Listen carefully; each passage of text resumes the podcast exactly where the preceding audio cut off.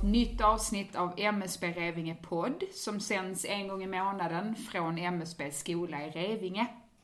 I varje avsnitt så bjuder vi in en ny gäst och den här gången har turen kommit till Tanja Ståhle. Välkommen Tanja! Tack! Du kan väl börja med att presentera dig själv och berätta vad du kommer att prata om idag. Eh, ja, absolut. Eh, ja, Tanja Ståhle heter jag. Eh, jag har eh, varit här på MSB sedan 2014 och eh, jobbar sedan några år tillbaka som projektledare med ett antal utvecklingsprojekt.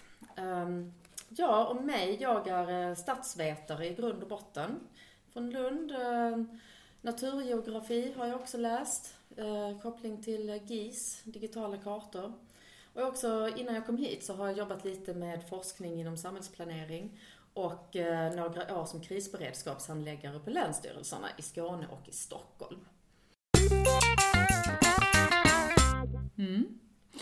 Tanja, jag tänkte så att vi pratade ju precis lite kort här innan vi började sända och då sa du till mig att du ville vidga dagens tema. För att i förra avsnittet så sa jag att du skulle prata om RIA-projektet som du projektleder. Men du vill istället vidga dagens tema till att handla om verklighetslabb. Ja, jag tycker att eh, just det här projektet handlar ju väldigt mycket om att skapa nya miljöer för att jobba både med utveckling, innovation och kanske till och med nya sätt att utbilda. Så jag, eh, och projektet eh, har hållit på nu i två år, vi är inne på det sista året. Och jag tycker väl att det intressantaste intressantast är att prata om resultatet som vi hoppas komma fram till här i slutet av 2020. Mm. Mm-hmm. Lasse Karlsson, han var gäst här i förra programmet och han ställde en fråga till dig kopplat till just det här RIA-projektet. Jag tänker så här Tanja, att vi börjar med att lyssna på den frågan som Lasse ställde till dig. Mm.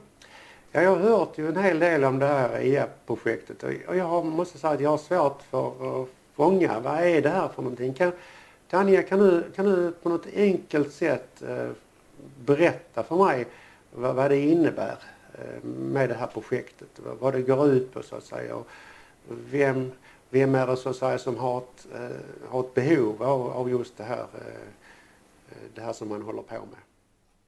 Vad säger du Tanja? Vad, vad är RIA för ett projekt egentligen och vem har, vem har behov av det? Mm. Ja, ERIA står ju egentligen för Early Responders Innovation Arena. Eh, och eh, syftar till att eh, skapa en arena där både de som har olika behov av nya lösningar på problem och de som, de som skapar nya lösningar på de behov som framförallt räddningstjänsterna och andra aktörer inom skydd och undsättning har. Där de kan träffas och praktiskt och konkret arbeta med att finslipa de här lösningarna som de vill ta fram. Det övergripande syftet är ju också att eh, möjliggöra att den infrastruktur som MSB har i form av sina utbildningsanläggningar kan användas både till utbildning såklart, men också till att stödja innovation och utveckling. Med förhoppningen att de som studerar på våra skolor också ska komma närmare de utvecklingsaktiviteter och innovationsaktiviteter som finns idag inom räddningstjänsterna framförallt. Eh, ja, hans eh, nästa fråga var väl egentligen vem som har behov av projektet. Och eh, man kan väl säga att på lite olika håll så har det de senaste åren identifierats att ja, man tycker att utvecklingstakten inom skydd och undsättning och framförallt inom räddningstjänst, att det går lite trögt. Eh, det sker absolut utveckling. Eh, det finns ett eh, så kallat innovationssystem, alltså alla aktörer som ska bidra till utveckling och innovation finns på plats, men det, rörelsen i själva systemet är, är ganska trög. Ehm, och om man tittar lite på då vilka som är behovsägare, man kan väl säga att de är flera stycken. Alltså dels är det ju blåljusaktörerna som eh, kan få en innovations och utvecklingsmiljö som är anpassad till dem själva, så att säga. Eh, och en innovations och utvecklingsmiljö som då i egenskap av MSB eller staten då liksom har ansvar för att skapa nytta just för de aktörerna. Eh, man kan ju också se det som att de som uppfinner saker eller utvecklar nya lösningar, att de kan få en bra arena där de kan träffa de här blåljusaktörerna och få tillgång till deras kunskap.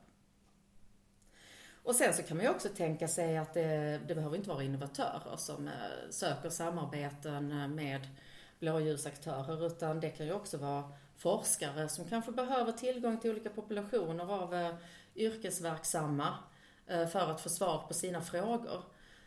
Och vi har ju, ja. Förlåt att jag avbryter det där, men jag bara tänker vad skulle det kunna vara för, vad är det för slags frågor som mm. de skulle vilja ha svar på? Ja.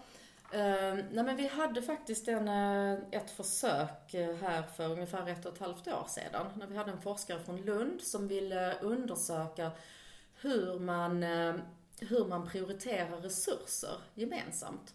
De hade då utvecklat en slags spelmiljö eh, Eh, där man eh, fick, eh, ja, man fick liksom tilldelat ett antal resurser i den här, den här spelmiljön, dator, datormiljön som de hade satt upp.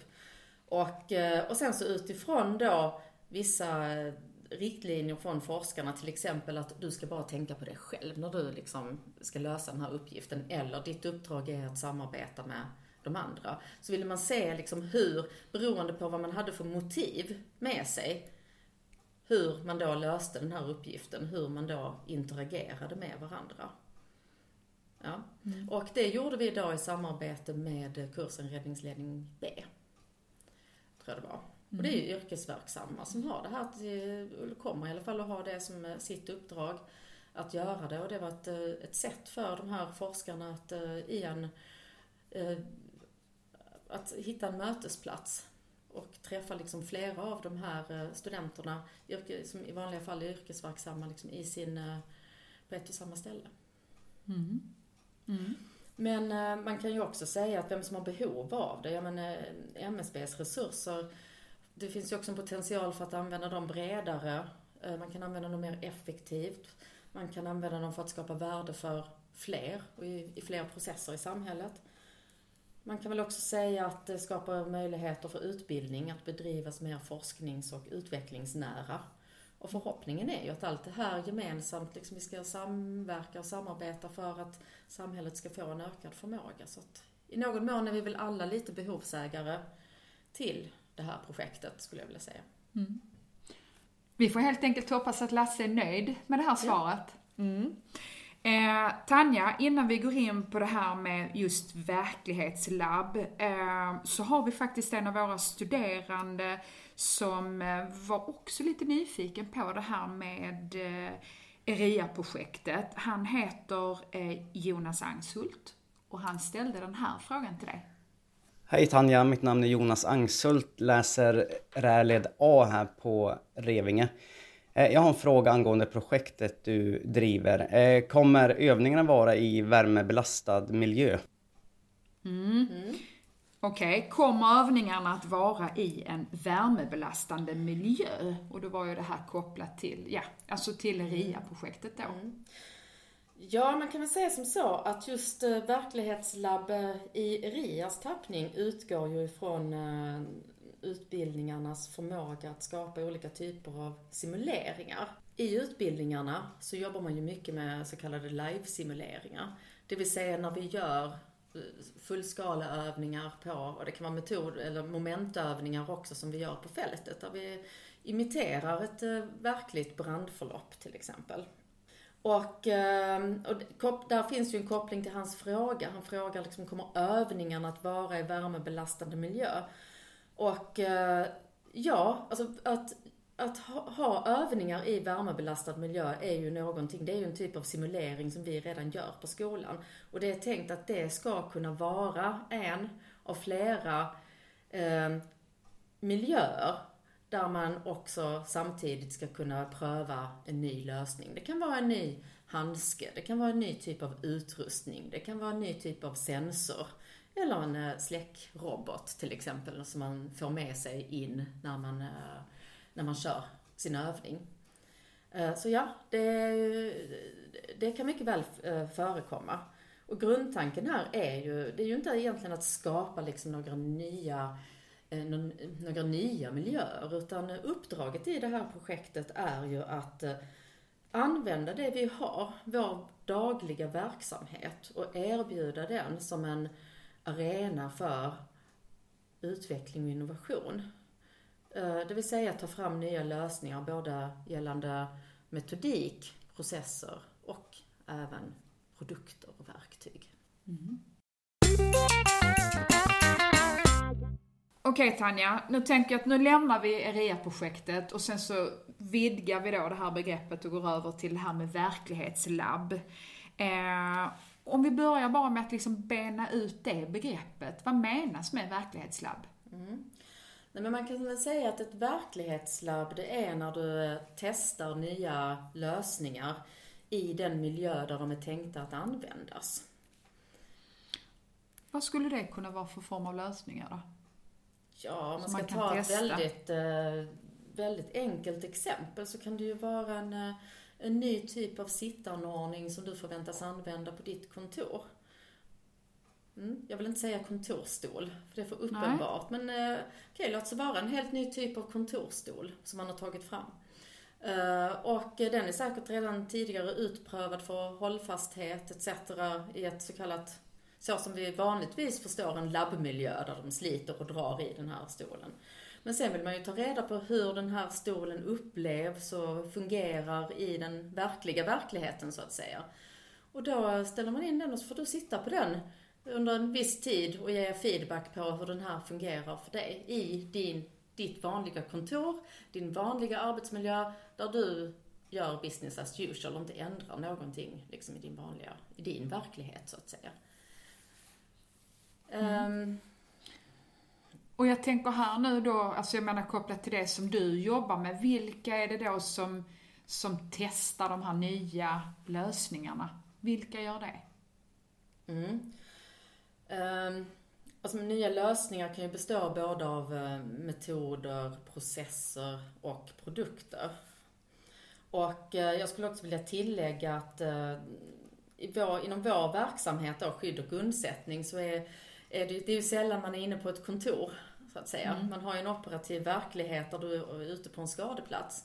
Och på den här skadeplatsen så, det ligger ju i sakens natur att du ska inte skapa nya risker eller nya osäkerheter eller öka de negativa konsekvenserna när du hanterar då den här händelsen.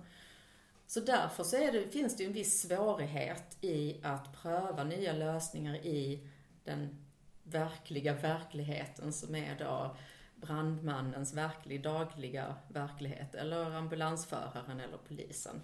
Så. Och eh, då behöver man istället eh, jobba med olika typer av simuleringar. Alltså väldigt verklighetsnära simuleringar.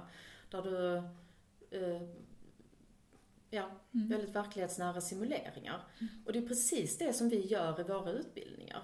När vi är ute på fältet och eldar eller spiller ut eh, låtsaskemikalier etc. Eller om vi är inne i övningslägenheten och eh, övar på eh, att, att ta hand om eh, inom ramen för akut omhändertagande så sätter vi ju hela tiden upp de här olika verklighetsnära situationerna. Och, eh, och det är ju den typen av både av kompetens, eh, infrastruktur för att göra detta och också den verksamhet där vi faktiskt gör det som vi vill öppna upp för att också kunna vara en miljö där du kan testa nya saker på ett säkert och kontrollerat sätt. Mm. Tanja, vad är det för nya saker och metoder som ni har testat hittills? Mm. Um, vi har ju... Uh, det finns lite olika exempel på det. Uh, vi har faktiskt fokuserat ganska mycket på metodik i mm. det här projektet. Bland annat så har vi testat uh, vägledning för eh, släckning av bränder i solceller. Det vill säga att vi har prövat om den här vägledningen eh, eh, var lätt att ta till sig. Mm. Den har funnits ett tag och vi ville validera egentligen hur räddningstjänsterna, eller vi ville validera hur enkel den var för räddning, olika räddningstjänster att ta till sig. Mm. Så då gjorde vi ett försök där vi eh, satte upp live-simuleringar, det vill säga olika verklighetsnära situationer med brand i solceller, med ett scenario. Ungefär som när man övar vanligt. För de, de som deltog, de brandmännen som deltog, så såg det säkert ut som en helt vanlig övning. Men det vi tittade på var ju inte huruvida räddningstjänsterna eh, hade förmåga att eh, släcka det här på ett korrekt sätt. Utan vi tittade ju mer på, vårt syfte var ju att titta på om om de utifrån den information de hade fått innan liksom kunde implementera det här i sitt släckningsarbete. Mm. Så det var syftet med det. Och det vi har testat där då är ju liksom användningen av vägledning, det vill säga en, en process och en metod. Och är det här då en vägledning som MSB då har, har I det här fallet är det så. Ja, ja, i det här fallet är det så. Och hur, hur, hur blev utfallet? Det vi kom fram till där eh, var att eh, det var till stor nytta för räddningstjänsten att både få möjlighet att få en vägledning men också annat material, film, eh, filmmaterial etc. till sig. Att det ökade deras möjlighet att ta till sig den här vägledningen. Mm. Ehm, vi har inte haft så mycket fokus på produkttester. Det, däremot så har vi haft workshops med olika typer av brand och räddningsprodukter. Oftast sådana som har varit framtagna av folk som jobbar inom räddningstjänsten själva. Mm. Och det är väl lite där som vi ser den stora nyttan för många med den här arenan. Att, eh, att kunna vara en arena där man till eh, Alltså relativt, där man med relativt små medel faktiskt ska kunna pröva sina egna, egna lösningar. Mm. Jag tyckte det var så spännande just det här med, med metoder. Har du något annat exempel på någonting som ni har testat? Um, ja, vi har ju också, vi har också gjort ett försök som var lite mer explorativt och utforskande med släckning av bilbrand. Uh, vi hade en kollega som ville titta på hur, uh, om det var fanns någon nytta i att försöka släcka bilbränder med explosionsrisk från lite längre håll än vad man vanligtvis gör. Um, det finns lite olika släckmetodiker mm. uh, i det fallet. Uh, folk tycker också olika om vilka släckmetodiker man kan använda. I det här fallet så ville han pröva om man kunde släcka en bilbrand på håll med hjälp av uh, hävare och tankbil. Um, och syftet med det var ju egentligen bara att liksom få ett underlag för diskussion och för att se är det ens, tillsammans med räddningstjänsterna utforska, är det ens vettigt att försöka jobba på det här sättet? Så det kan ju också vara ett syfte med att ha den här arenan, att man får möjlighet att ha väldigt praktiska hands-on gemensamma liksom, workshops och dialoger kring olika vägval eller eh, kring nya tankar och idéer. Mm. Är det då endast eh, yrkesverksamma som är, som är involverat i att testa eller har även studeranden eh, fått vara med vid några tillfällen, eller hur? Ja, grundtanken med verklighetslabbet är ju egentligen att man ska kunna inom ramen för själva utbildningssituationen pröva nya eh, produkter, metoder och processer. Eh, men det är inte helt oproblematiskt för naturligtvis måste man ju fortfarande ha möjlighet att jobba mot utbildningens mål och syfte. Eh, men vi kommer faktiskt att under nästa år och då projektets sista år eh, förhoppningsvis förhoppningsvis kunna ha en process där vi, i, där vi tittar på en del brand och räddningsutrustning inom ramen för våra grundutbildningar. Och det håller vi på att diskutera nu. Mm. Mm. Jag tänkte, du sa att det var ett år kvar eh, tills det här projektet är slut. Vet du om det kommer något liknande projekt framöver? Alltså, är det, alltså man ser säkert en stor nytta med, med något projekt inom det här. Mm. Eller hur? Vi jobbar ju hela tiden som att det här är ju början bara, det här är bara början på ett nytt sätt att kunna jobba mer innovativt mm. eh, med med våra utbildningar och tillsammans med våra sakverksamheter och kunna jobba, hitta en plattform för att jobba över gränser. Eh, projekt för mig är ju bara ett sätt att organisera det här utvecklingsarbetet. Och eh, tanken är ju att det här från 2021 ska kunna vara någonting som finns inbäddat i vår ordinarie verksamhet. En, en funktionalitet som vi har. Och eh, under eh, ett antal månader nästa år så kommer vi därför att testimplementera det här på Sandö faktiskt. Eh, för att få mer kunskap om att hur kan ett sånt här koncept fungera efter projekttiden, när det är då inbäddat i den ordinarie organisationen. Mm. Mm. Tanja, hur ser det ut i andra länder? Är vi i framkant eller har andra länder kommit längre när det kommer till verklighetslabb? Det finns ganska många exempel i, eh, på verklighetslabbverksamhet, om man säger så, inom vård och skola och även inom stadsplanering. Eh, det kan till exempel vara en eh, vårdavdelning där du prövar nya, ny utrustning för, både för personal och för de som bor där. Det kan vara ett väntrum. Jag vet att det finns ett projekt där du provar ett nytt kösystem i ett väntrum inom vården. Det kan vara en skolsal där du prövar nya typer av utbildningsmaterial. Eh, som jag sa innan så är det lite svårt det där med att eh, pröva nya saker i vår verkliga verklighet, det vill säga skadeplats. Mm. Eh, så. Så att jag skulle säga att just när det gäller området skydd och undsättning och, den här, och att jobba med den här kombinationen av utbildningsverksamhet som verklighetslabb inom det här området så är vi pionjärer. Jag känner inte till något mm. annat projekt som internationellt mm som eh, jobbar med samma sak. Eller som har kommit så långt ska jag säga. Mm. Däremot så har jag haft kontakt med andra träningsinstitut i Europa som har börjat gå i lite liknande tankar. Så jag kan inte svära på att det inte finns projekt nu. Men mig veterligen när vi startade med det här så var vi faktiskt pionjärer. Mm. Vad häftigt. Ja men det är kul. Det är alltid ja. kul att vara i framkant. Absolut. Du Tanja, jag känner mig nöjd. Eh, jag vet inte om det är något du känner att, ja men det här tycker jag nog ändå att jag vill få med när det kommer till verklighetslabb. Det här har vi glömt prata om.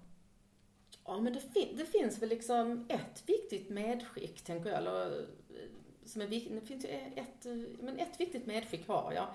Och det är ju att, eh, att det här projektet, även om det liksom tittar på hur vi kan stödja andra i deras innovations och utvecklingsprocesser eh, så ser vi också hur det jackar in i det här, den här lite bredare diskussionen som finns idag. Hur ska offentlig sektor kunna jobba mer innovativt? Mm. Vi har ju också sett att det här har lyft frågan, liksom hur, hur kan vi själva jobba på nya, annorlunda sätt? Hur eh, kan vi jobba mer explorativt? Har vi utrymme för det?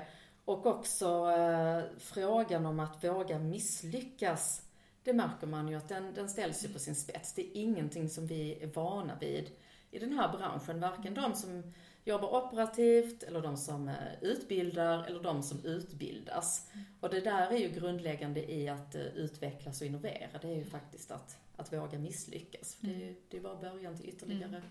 något nytt. Absolut. Tack så mycket Tanja. Ja, men tack själv. Ja. Du, innan vi avslutar så ska jag bara säga det att i nästa avsnitt så kommer vår skolchef hit, Lena Gartmark. Och eh, hon kommer att prata om skolans verksamhet och lite om hur hon ser på framtiden då. Eh, så innan vi avslutar Tanja, så skulle jag vilja att du skickade vidare en fråga till eh, Lena Gartmark. Har du mm. förberett en sån? Men det har jag faktiskt. Ja. Um, Nej, men jag är lite nyfiken på hur Lena ser på hur vi kan möta framtiden genom att digitalisera våra lärmiljöer och att jobba eh, över de geografiska gränserna. Jag tänker till exempel på att eh, kunna jobba mer med olika typer av eh, virtuella lärmiljöer eller att kunna överbrygga fysiska avstånd med att utveckla att jobba med överföring av ljud och bild mellan våra skolor eller mellan mm. oss själva och räddningstjänsterna. Mm. Det ska bli intressant att höra hennes syn på det, ja. eller hur hon tänker kring det. Så då var vi klara, ja. Tanja. Och tack så mycket för att du ville komma hit och prata verklighetslabb. Eh, jag som ställer frågorna, jag heter Lara Krisbernadottir och i nästa avsnitt så kommer som sagt Lena Gartmark, vår skolchef hit. Det får du inte missa. Hej då! Hej då!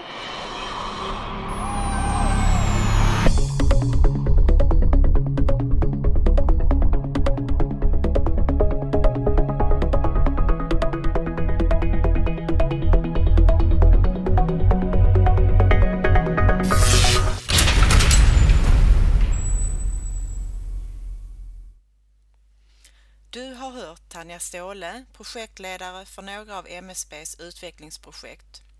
Intervjuade gjorde Lara Crispianadottir.